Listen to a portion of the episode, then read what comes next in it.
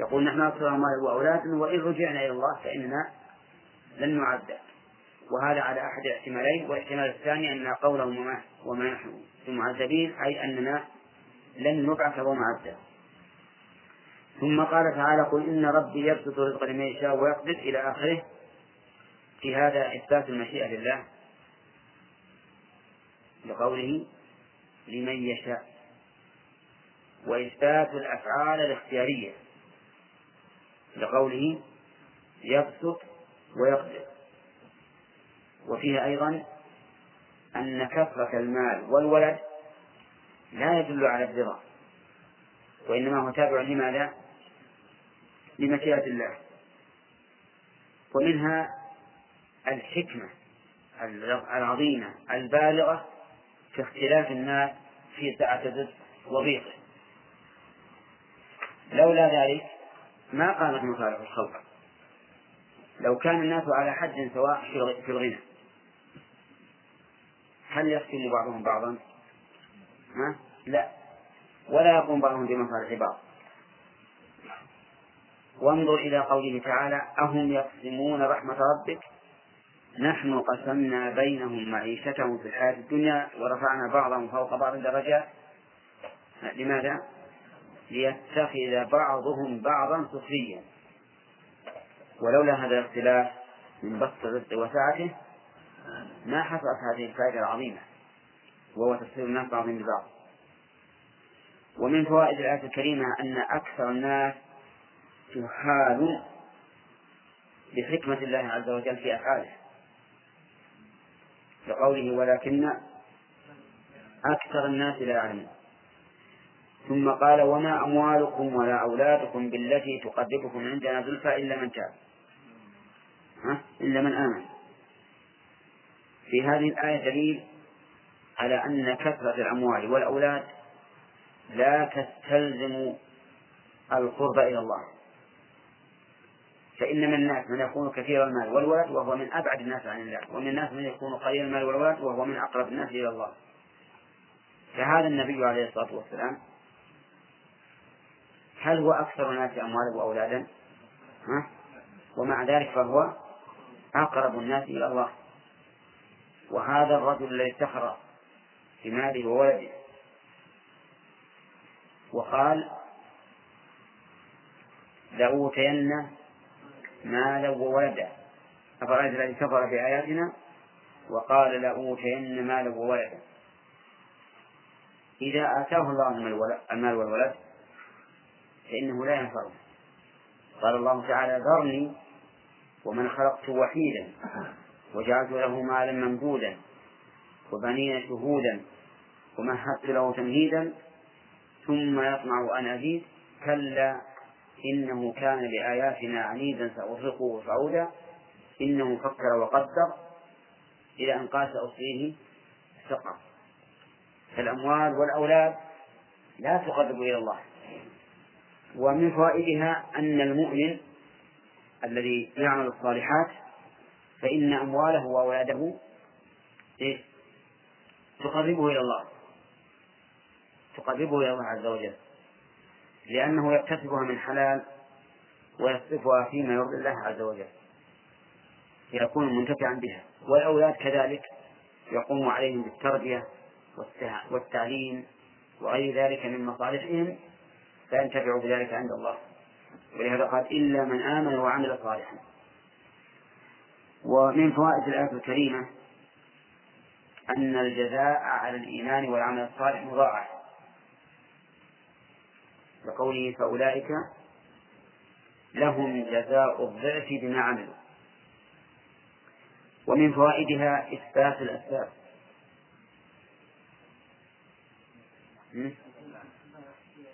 من قوله من ألف بما عملوا نعم. و ومن فوائدها أن منازل الجنة عالية. يعني قولهم وهم في الغرفات والغرفة المنزل العالي أما الذي في الأرض فيسمى حجرة. لا يسمى غرفة. فالنازل فوق غرف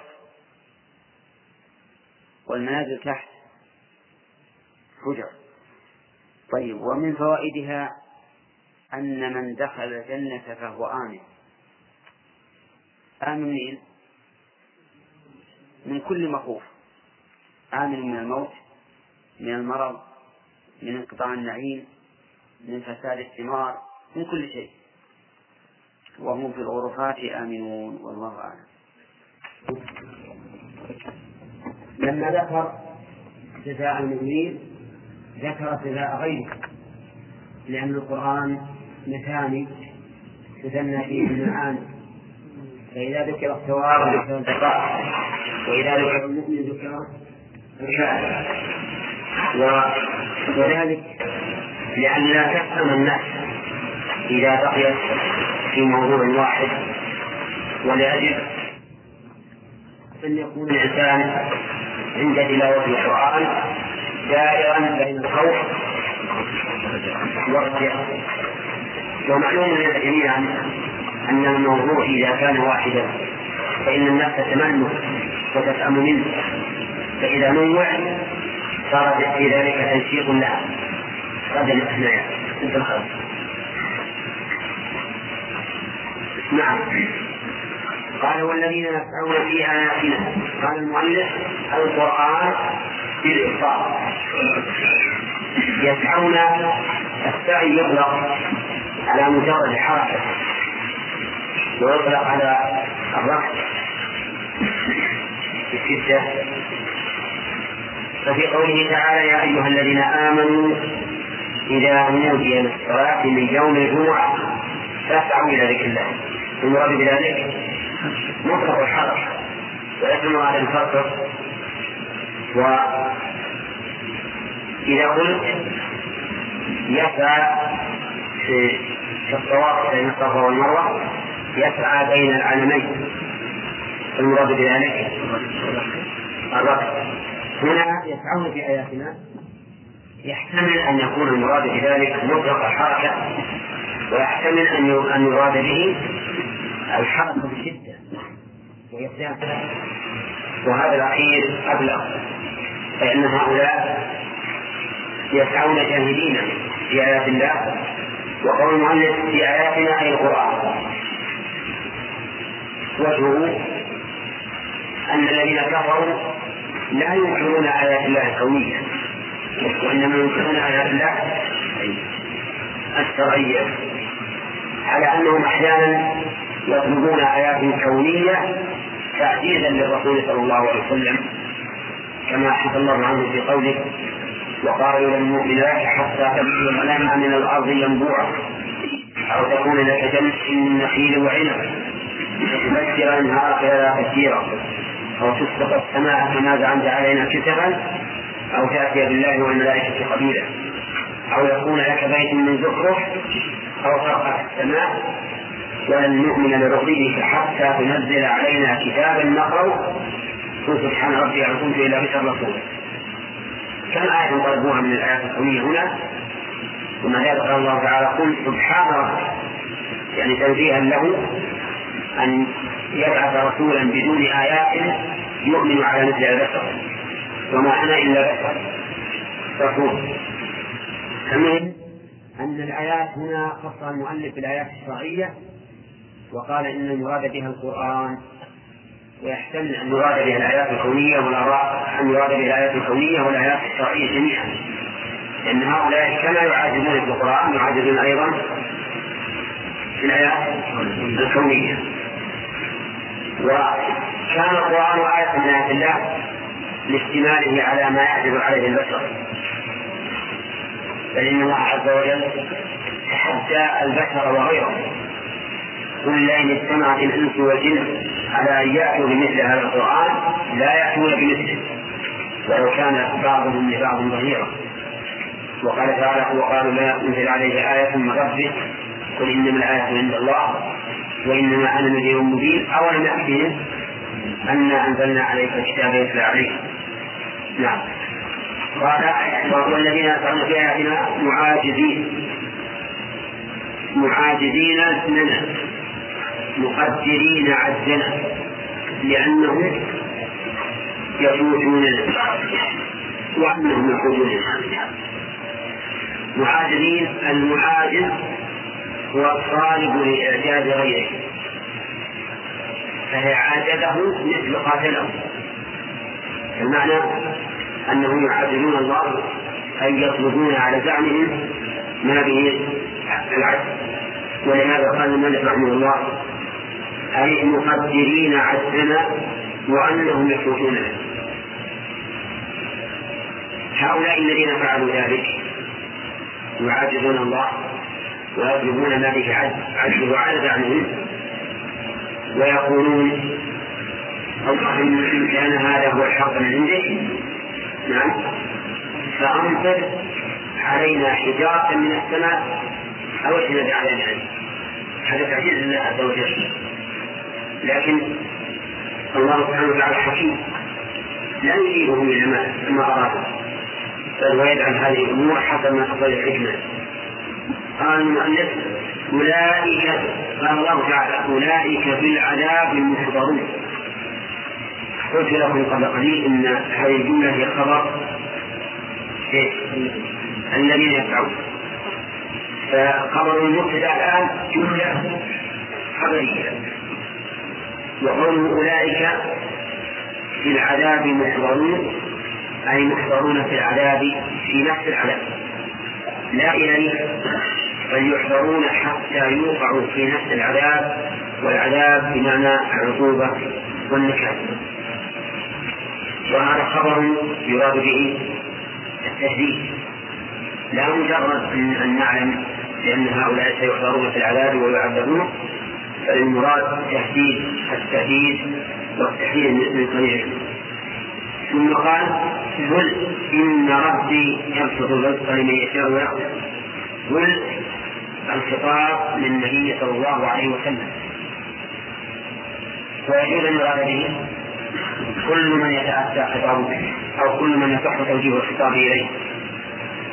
يخاطب هؤلاء الذين يسعون في آيات الله المعزين ويطلبون عبد الله فيما يدعون قل إن ربي يبسط الرزق يوسعه.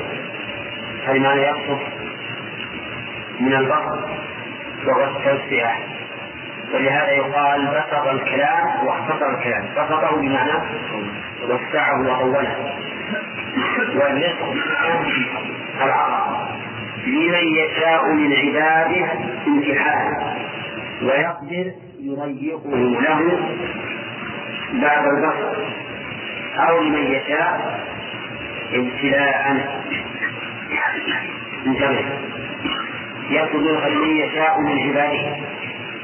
قوله لمن يشاء مر علينا كثيرا لأن كل فعل قرنه الله بالمشيئة علقه الله بالمشيئة فهو مقرون بالحكمة وما تشاءون إلا أن يشاء الله. إن الله كان عليما حكيما. فمشيئته سبحانه وتعالى تابعة لحكمته.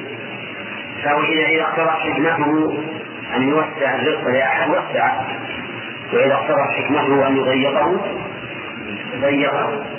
وقول من عباده المراد بالعباد هنا العبودية العامة. العبودية العامة. لأن المشاهد أن الكافرين والمؤمنين على السواء منهم من يتقي الله الرزق ومنهم من يغيره فالمراد بالعباد إذا العبودية العامة. وقد مر علينا أيضا أن العبودية تنقسم إلى عامة وخاصة فالعامة التي تشمل جميع الخلق والمراد بها العبودية الكونية التي قال الله عنها إن كل من في السماوات والأرض إلا آتي الرحمن عبدا وأما الخاصة فهي عبودية الطاعة الشرعية وهي التي قال الله فيها وعباد الرحمن الذين يمشون على الأرض هولا إلى آخره. طيب من عباده قال المؤلف امتحانا امتحانا كيف معنى امتحان؟ يعني اختبار. يختبره هل يشكر أم يكفر ولهذا قال سليمان عليه الصلاة والسلام هذا من فضل ربي ليبلوني فأشكر أم أكفر. حين رأى عرش كثير حاضرا بين يديه في هذه المدة الوجيزة قال هذا من فضل ربي ليبلوني أأشكر أم أكفر؟ وقال تعالى ونبلوكم بالشر والخير فتنة. يعني ابتلاء واختبار. وكم من إنسان كان في حال الفقر أصلح مما كان بعد الغنى وكم من إنسان بالعكس كان فقيرا ومسرفا على نفسه فلما أغناه الله وهداه الله. فالله عز وجل يسكت لغير من يشاء حسب ما تقتضي الحكمة قال ويقدر له. له. هل يعود على الممسوك له؟ أو يعود على من يشاء عموما. المؤلف رحمه الله ذكر فيها المعنيين. قال ويقدر يضيق له بعد البسط يعني أنه عز وجل يبسط من يشاء ثم يضيقه عليه ليبلغه يعطي النعم ثم يزيلها امتحانا واختبارا. يمن على الإنسان بالأولاد فيموتون بالمال فيحلك هذا تضييق بعد إيش؟ بعد البسط أو أن المعنى يبسط ويغفر له أي لمن يشاء لا لهذا الذي كان مبسوطا له رزق. يعني أنه سبحانه وتعالى يبسط رزق القوم ويطلبه لآخره وهل المعنى أن يكون مثلا؟ لا. وإذا كان لا تنافيان فقد مر علينا أن قاعدة التفسير أن المعنيين إذا كان لا تنافيان فإن الآية تحمل عليهما جميعا. لمن يشاء من الآية باطلة. وما أنفقتم من شيء في الخير فهو يخلفه وهو خير الرازقين.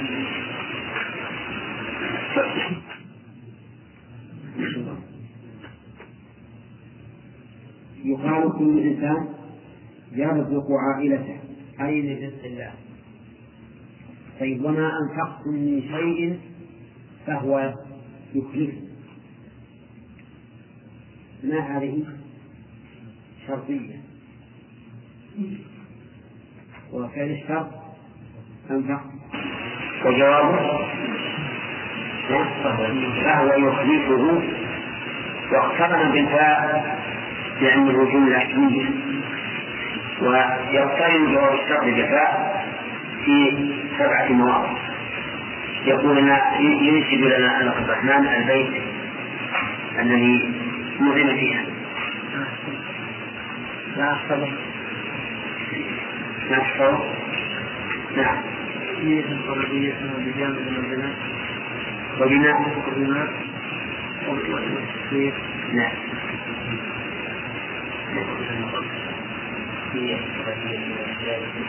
وبناء. وبناء وفي قلب وفي التوحيد وبناء. لا وستين وبناء وقلب نعم. نعم. يا عبد الرحمن؟ ها؟ نعم. كنت أحفظ اسمية طلبية وبجامد وبناء وقد وبناء تقدم. وبناء وبقد وبناء وبالتنسيق وبناء وقد وبناء وبالتنسيق هذه الآية من أي الله؟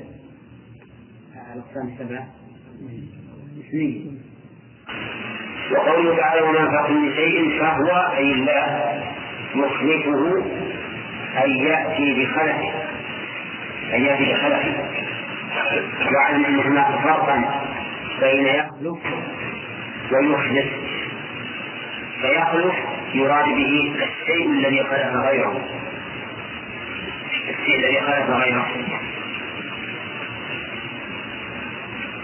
قال الله تعالى عن موسى حين وجه الخلف لفرعون واخلفني في قومي. وأصلح. أي صر خلفا عني في قومي. وأما أخلف الرباعي فالمراد أعطى الخلف أعطى الخلف فالمخلف معطي الخلف والخالق الذي خالف غيره. بسبب الفرق بين الثلاثي والرباعي الثلاثي إثنان. والرباعي أعطى الخلف. أعطى الخلف. ومنه الحديث حديث أبي سلمة. لا حديث أبي سلمة قال واخلفه في عقبه. وحديث سلمة نفس الشيء.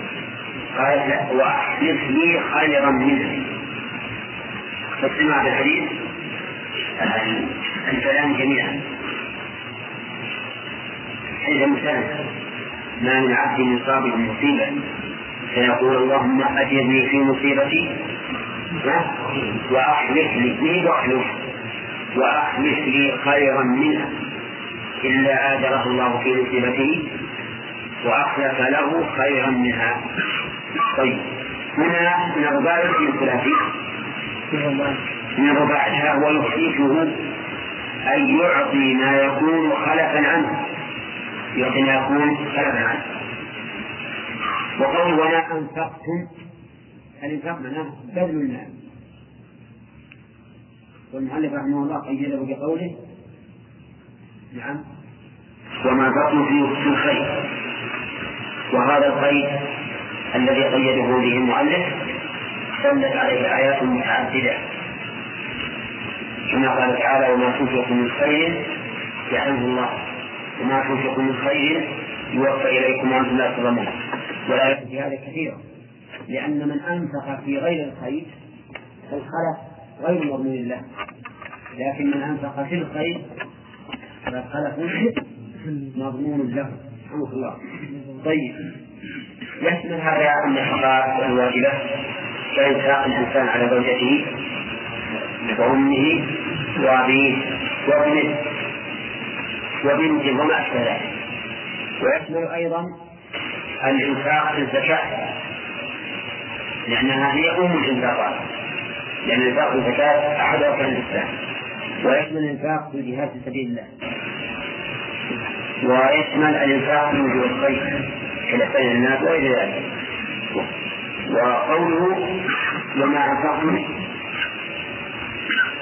من شيء فهو يخلصه هذا الإخلاص هل هو في الكمية أو في الكيفية. بمعنى هل إن الله عز وجل يعطيك بدلا عنه في الكمية إذا أنفقت عشرة أعطاك عشرة؟ أو في الكيفية بمعنى أن الباقي ينزل الله فيه درجة حتى يكون مقابلا